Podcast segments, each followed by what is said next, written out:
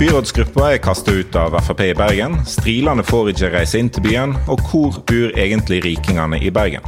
Velkommen til Noen må gå, en podkast for tre av heimekontorene til Bergenstidene. Med meg over internett så har jeg Anne Rokkan. Hei, hei. Veldig hyggelig å være her på internett med dere. Eh, sammen med oss så har vi Jens Schiel, hallo. Hei sann, Albert Sveisan. Og åssen går det med deg, Morten Andreas eh, Myksvold, Radøys verste sønn? Nå, nå bare finner du på enda flere løgner om meg. Jeg har ikke Andreas som mellomnavn. Skjerp deg. Dette, kan, Du ville dette må internett Ah, Datalagringsdirektivet det er blitt innført sånn at eh, vi kan fjerne sånn hets. Nei, for at dere i EU sa nei til det. Å ja, det var sånn det var. Ja. Ok. Men har ikke de aller fleste menn eh, et, et mellomnavn som er det? Altså, alt kan jo bli André. Eh, jeg har Jeg har ikke det. ingen Mamma var så redd for at jeg skulle ikke lære meg å stave navnet mitt, så de prøvde å finne på det korteste navnet som de fant. Ja, det er sånne hensyn vi også må ta til deg. Det fungerte. Ja ja, jeg kan stave navnet mitt i dag. Ok, Men vi må ta en skikkelig runde på koronaen denne gangen. Fordi at Bergen har holdt stand lenge, men nå har byrådet strammet til igjen. De fleste av smittetilfellene i Bergen har de siste ukene vært knytta til klyngeutbruddet blant studentene. I forrige uke så, så vi eh, en klar nedgang på fredag i smittetallene. Dette var byrådsleder Roger Valhammer som annonserte innstrammingene eh, som Bergen kommune kom med på tirsdag. Årsaken er en smittevekst byen ikke har sett siden mars. Utgangspunktet for mye av smitten er, som Valhammer sier, i studentmiljøet i Bergen. Var dette, så vi dette komme på noen slags måte, Jens? Altså, jeg har de siste dagene vært på kjøretur i Sogn og Fjordane, eller det fylket formerly known as Sogn og Fjordane, og kommer tilbake, og alt er eh, stengt ned, og nå sitter jeg tilbake her i Solheimsviken og må spise potetgull til lunsj. Eh, Jeg skjønner ingenting. Hva, hva, hva har dere gjort feil mens jeg var borte? Eh, vi har vært på fylla, som vanlig. Ja. Det er vel problemet, ikke det? Ikke vi. Eller er det ikke Nei, eh, snakk for deg sjøl. Men jeg har heller ikke vært på NHH. Men det har jo de fleste på NHH vært, og det er vel eh, litt av problemet. Men vet vi egentlig, altså har smitten fra studentmiljøet på en måte spredd seg nå til befolkningen, eller Det er i hvert fall det Beate Så Husa mener. det? Det det Beate Husa, helsebyråden, mener, hvis jeg kan forstå. At det har starta der og gått videre. Eh, Men heldigvis så har vi jo tre rektorer her i byen som er eh, i en slags kamp mot fakta. Og de hadde jo en felles kronikk, rektorene ved NHH, Universitetet i Bergen og Høgskolen på Vestlandet, hvor de skriver at eh, på en måte de beslutningene om fadderuke osv. vil bli evaluert i etterkant, men de kan allerede nå slå fast at vanskelig eh, å laste dem og fadderukene for det som nå skjer, da. Og det er jo et, eh, et nydelig innlegg som jeg oppfordrer alle til å lese. For det NHH-rektoren sier, er at det var ikke fadderveker på NHH som spredde korona, men sosiale sammenkomster og fester veka etterpå. Det er jo ikke mye bedre.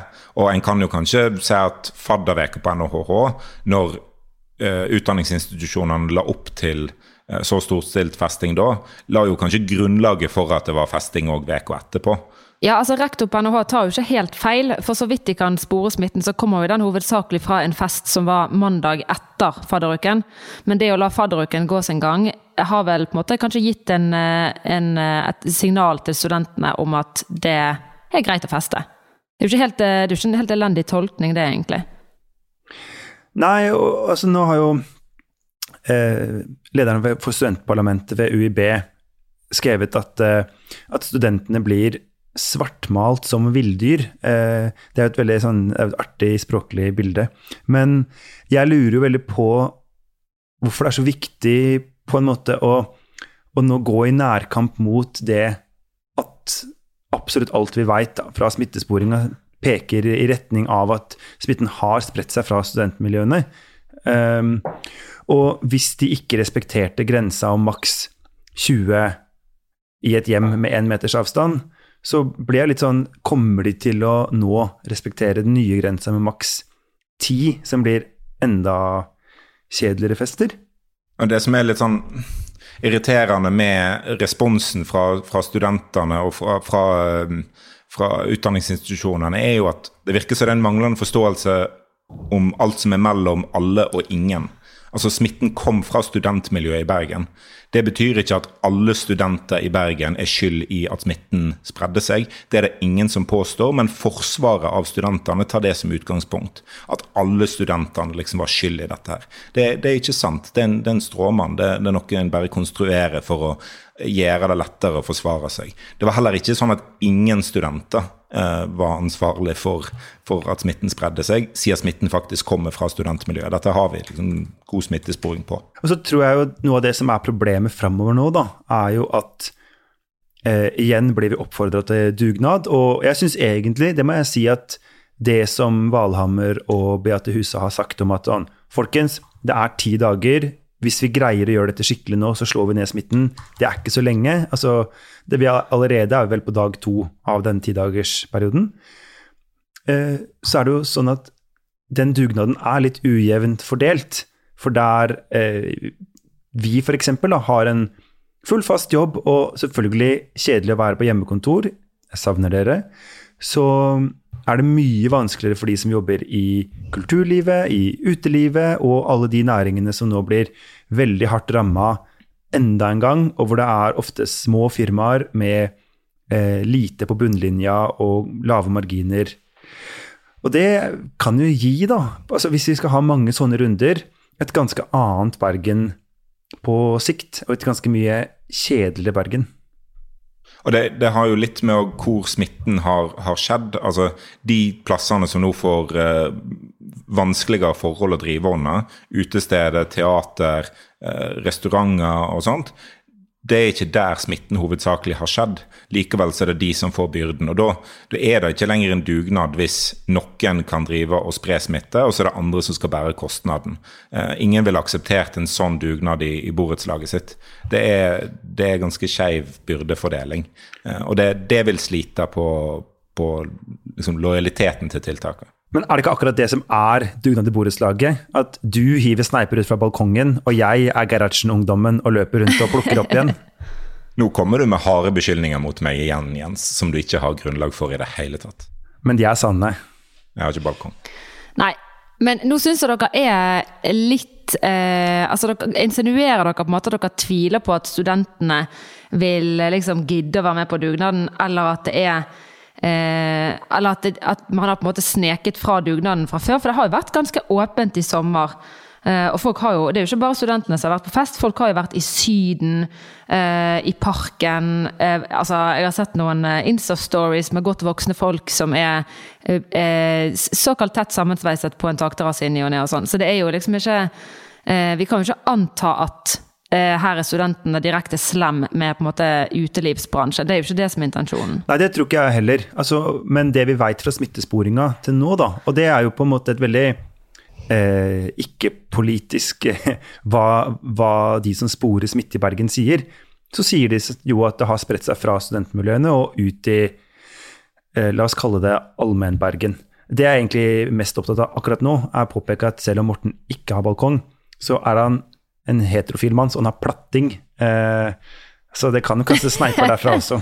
oi, oi, oi. Men ok, en ting jeg lurer på da, Vi sier jo hele tiden sånn at smitten kommer ikke fra, eh, fra restauranter og barer og sånne steder. Så det er litt sånn urettferdig at det er de som må eh, ta den tyngste børen her. Og det er jeg fullstendig enig i. Jeg syns utrolig synd på disse folkene som jeg vet på en måte ofte eh, ikke gjør det i utgangspunktet for å tjene så mye penger, for det er gjerne ikke så mye penger å tjene på en liten bar. Eh, du står bak sjøl store deler av tiden. Men samtidig er det jo sånn grunn til at det ikke har vært så mye smitte derfra, kan jo nettopp være fordi at de hele tiden har fått de strengeste restriksjonene. Så jeg vet ikke om det er et så sterkt argument. sant? Det er liksom å stenge ned en barnehage og si det er ingen smittede der. Det er ingen smittede. Så vi kan bare åpne altså, Skjønner du? Det er jo ikke Det ja, da, kan være når, derfor det ikke er noen. Og når, uh, når smitten har gått ut i, i samfunnet for øvrig i Bergen, så er det jo logisk at det innføres strenge restriksjoner òg der smitten ikke har spredd seg fra før. Det kan ikke være sånn at tiltakene skal ramme mest de som har spredd smitten, eh, og ikke se framover og prøve å hindre ny smitte. Det er jeg enig i, men, mm. men det, det, jeg er redd for at det oppleves veldig urettferdig. Eh, at det er ja, plasser som, som, ikke har stått for smitte, som, som nå eh, får de sterkeste restriksjonene. Mm. Uansett så må vi videre i sendingen. Ta på dette her. A Norwegian lawmaker is nominating President Trump for a Nobel Peace Prize for the historic peace agreement between Israel and the UAE. It's a tremendous effort, and it could be uh, to inspiration for other Arab nations to make peace with Israel. Ja, dette var FrPs eh, Christian Tybring-Gjedde. Han har funnet det på sin plass å nominere den amerikanske presidenten Donald Trump til Nobels fredspris. Og ja, det er den samme Trump som til stadig eh, truer med å gå til krig mot sine egne innbyggere. Dette er likevel ikke den eneste måten Frp har klart å skaffe seg oppmerksomhet på den siste uken. Eh, og tenker vi begynner her hjemme i Bergen. Morten, hva er det egentlig som har skjedd? En hadde en eh, konflikt i fjor, eh, store deler av fjoråret, som endte opp med at, uh, at uh, lokallaget Bergen Frp rett og slett ble lagt ned. Uh, Det skjedde i etterkant av en opprivende konflikt mellom Marte Monstad, som nå er gruppeleder i bystyret i Bergen, og Tor Voldseth, som var gruppeleder i Bergen før Monstad. Eh, Monstad vant den første voteringen i september på loddtrekning etter det hadde blitt uavgjort, fordi hennes samboer, som da var lokallagsleder i Bergen Frp, hadde stemt i hennes favør. Jeg, jeg ser at du syns at dette er masse, Jens, men det kommer ett møte til som var òg litt gøy. Eh, Ja. For i desember så skulle de eh, vedta Men bare, for da har altså eh, Monstad, uten å egentlig ha flertall, vunnet kampen om å bli gruppeleder? Ja, hun tapte egentlig én mot to. Um, det gjorde, hun. og det gjorde hun òg i desember, når de skulle avgjøre hvem i bystyregruppa i, i Frp som skulle få en 50 %-stilling uh, som ble opprettet etter valget. Uh, da tapte hun òg én mot to, men samboeren hennes kom inn fra sidelinja, ordna opp at vararepresentanter ikke fikk stemme, og så stemte han og gjorde at hun kunne bruke dobbeltstemma si for å, å få den lønna. Eh, og nå har de to personene som har stemt mot henne i de to omgangene, blitt ekskludert fra Frp. Oi, oi, oi. Så Bergen Frp eksisterer ikke lenger. Og Marte Monstad er nå gruppeleder for seg sjøl i bystyret. For Frp er nå redusert fra tre til én der. Så nå er partiet uavhengige representanter dobbelt så store som Frp i bystyret? Ja, det er de. Og velgerne til Frp sitter nok igjen og lurer på hva pokker som har skjedd. Men altså, dette er jo sånn som Bergen Frp pleier å være, at folk eh, melder seg ut, eller hva, Morten? Jo da, jeg har jo vært med der før og har jo meldt meg ut og skapt partiet uavhengig i bystyret, jeg òg. Men det er jo sjelden at konflikter i Bergen Frp, som det finnes mange av, fører til eksklusjoner. Eh, Relativt sjelden. Eh, Det var en gang på 90-tallet at en person ble ekskludert og et par stykker ble suspendert. Eh, Og det har vært noen kuppinger og litt sånt på, på et årsmøte og nominasjon som, som førte til litt eh, rabalder. Men her har rett og slett sentralstyret og Vestland Frp gått inn, lagt ned lokallaget, skapt ro, eller forsøkt å skape ro, og så har de egentlig eh, utradert seg sjøl i bystyret.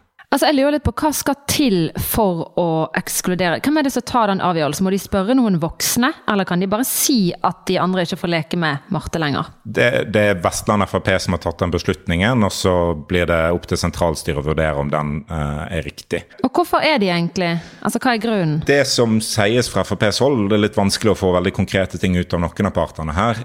Men det er at uh, Tor Voldseth og Thomas Flesland, som er de to i bystyrerepresentantene som har blitt ekskludert, det er to andre òg som ble, ble kastet ut samtidig, de har ikke akseptert det vedtaket om å legge ned Bergen Frp.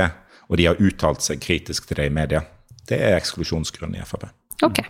For jeg tror det er litt viktig for folk som kanskje ikke følger bergenspolitikken fra time til time, men som hører på denne podkasten, at av og til så hører man jo om folk som blir ekskludert fra Frp, og så tenker man her er det en gal rasist eller noe pengerot eller noe, altså et eller annet sånt noe. En eller annen form for ligging? Ja, et eller annet. Liksom sånn, det har vært ulike skandaler i Frp opp gjennom åra. Men dette er eh, rett og slett to medlemmer som eh, ikke Det er ikke noe sånn type historie i denne saken, da. Nei, De har brukt sin ytringsfrihet til å fortelle om hva de mener om et vedtak i partiet. Og det er uakseptabelt. Ja. Ja, dette er altså et eh, politisk parti der uenighet er eksklusjonsgrunn. Utad. Hvis det er uenighet utad, så kan det føre til eksklusjoner. Og så er det jo mange ganger Frp-ere er uenige utad uten at det fører til eksklusjon. Men når det er en betent konflikt, og spesielt når en som varer så lenge, så har en det våpenet, ja. Ja. Og så har de en egen, et egen sak i vedtektene om at folk ikke uh, gjør, får gjøre ting som skader FrPs omdømme. Eh, og det er jo liksom spesielt, for at f.eks. hvis du er medlem av Sian, altså denne eh, muslimfiendtlige organisasjonen, så kan de ekskludere deg ikke fordi at de sier vi tar avstand fra Sian sin politikk, eller sånn, men fordi det skader FrPs omdømme, er da som regel begrunnelsen som blir brukt hvis du da blir ekskludert. Korrekt. Ja ja, Jens. Det er jo fortsatt en del ting på listen over hva som skaffer eh, Frp oppmerksomhet om dagen. Har du noen flere punkter til oss?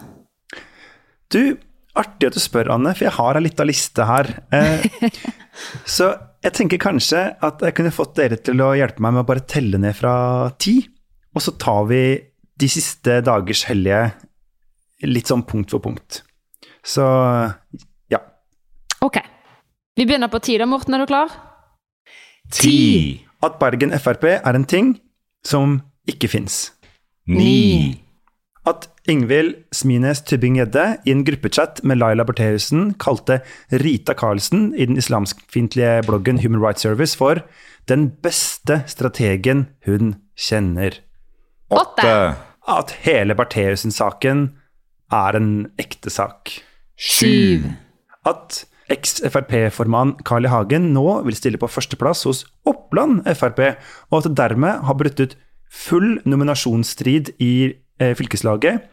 Eh, og hvor de nå blir bedt om å ikke gå til media for å diskutere det at han plutselig skal stille på toppen av lista deres. Seks. At Siv Jensen ikke så poenget med å ha en stortingshøring om den eh, Nicolai Tangen-saken, for der var jo alt eh, på stell. Fem. At Sylvi Listhaug kobler koronasmitte til dårlig integrering i eh, muslimske miljøer. Og det er jo særlig gøy her i eh, Bergen. Fire. Fire? Fire? Det er Fire. At Frp i fjor styrte Justisdepartementet, og da ansatte Beate Gangås som politisjef i Oslo. Og nå mener Per-Willy Amundsen, ja da, han har også vært justisminister, at Oslo-politiet har sitat, sosionomer som eh, vil forstå kriminelle i hjel som sjefer. Tre. At stortingsrepresentant Jon Helgheim bruker Twitter til å kreve journalister og akademikere fjerna fra jobbene sine, og at velgerne hjemme i Buskerud har premiert innsatsen med 7,1% oppslutning på siste måling. To. At Siv Jensen, partilederen, i helga sa at det var uaktuelt å ta imot 3000 kvoteflyktninger neste år. I fjor stilte landsstyret Frp seg enstemmig bak Granavolden-plattformen, der det var et av punktene. En.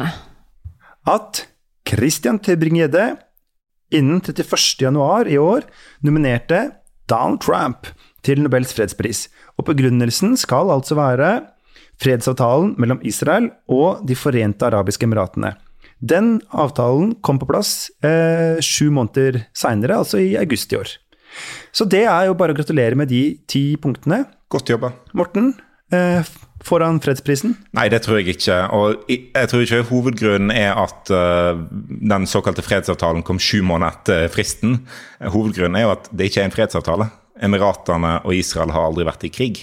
Uh, så at de har signert en fredsavtale som egentlig bare er en økonomisk avtale for å vise at Israel liksom bryr seg om andre land i regionen, uh, det, det agnet har Christian Tybring-Gjedde slukt med vilje.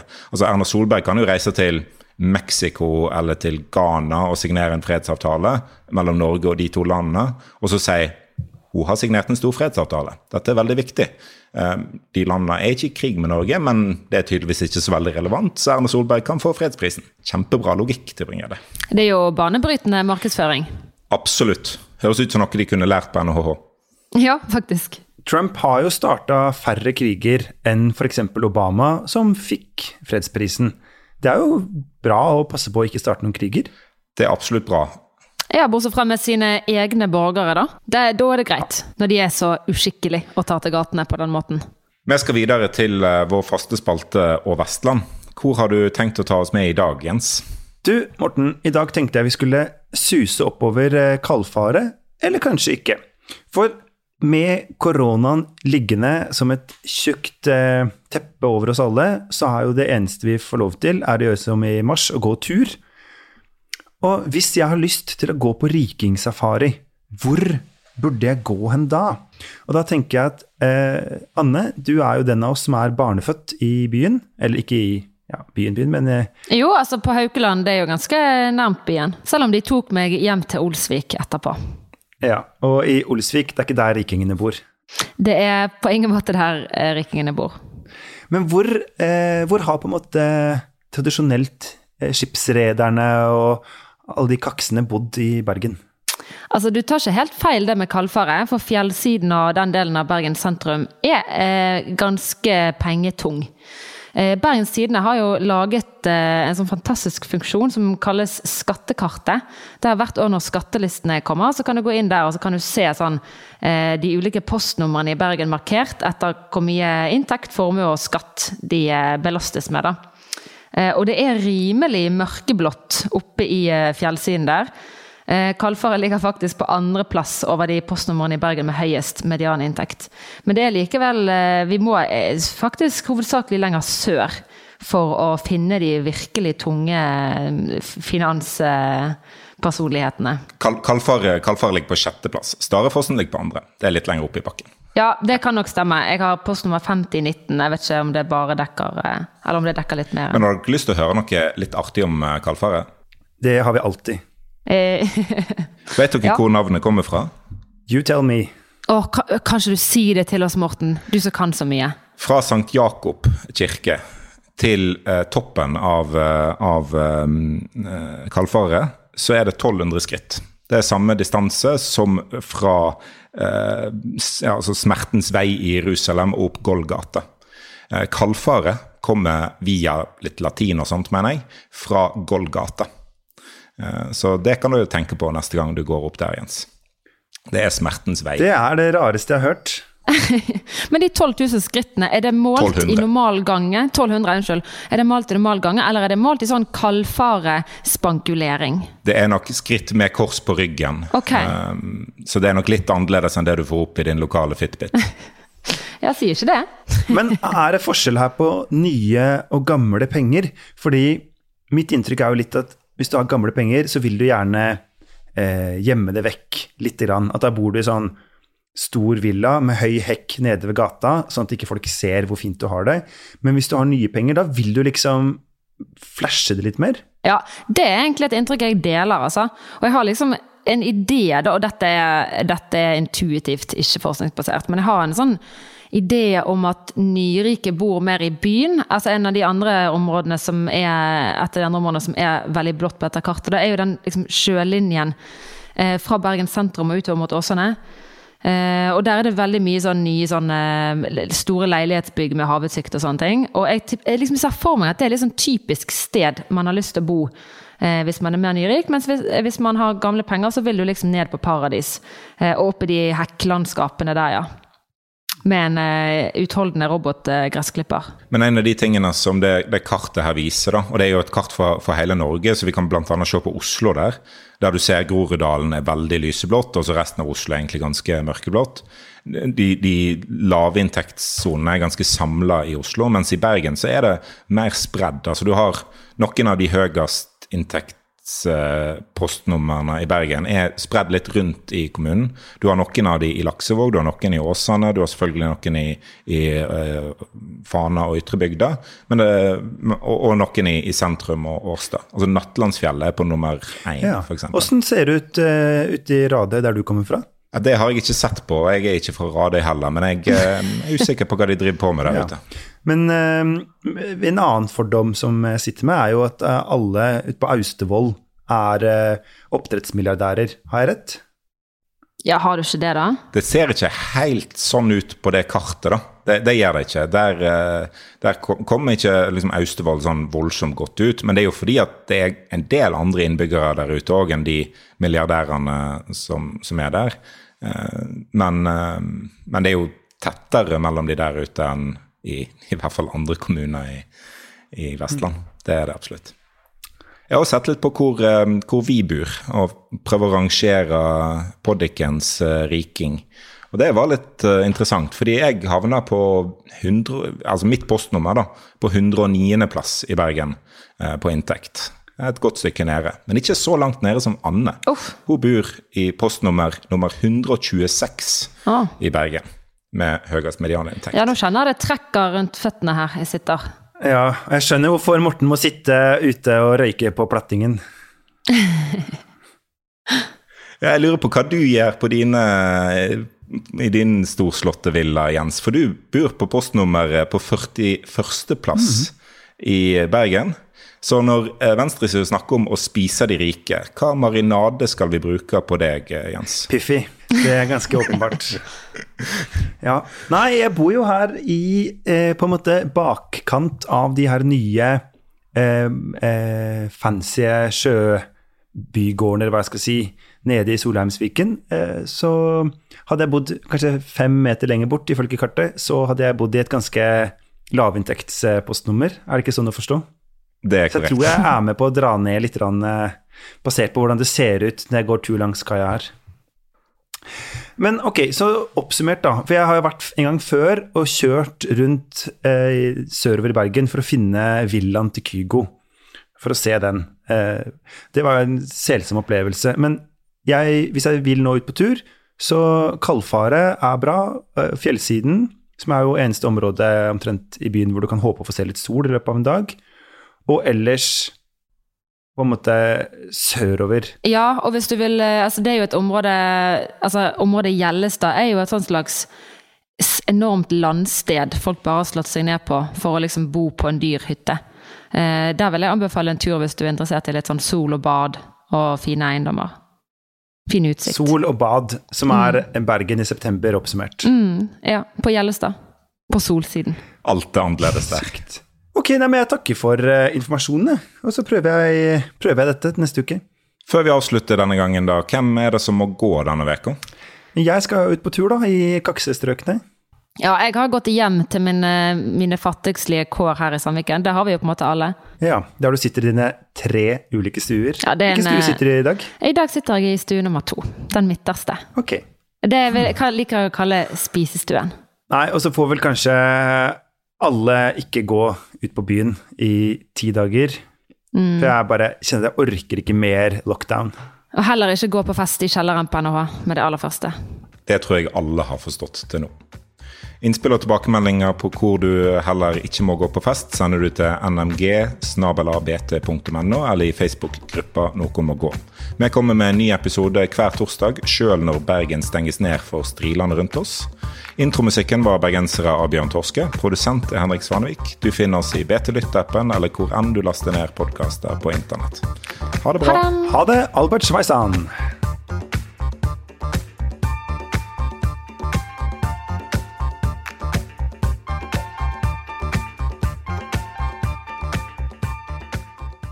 Skal vi trykke av?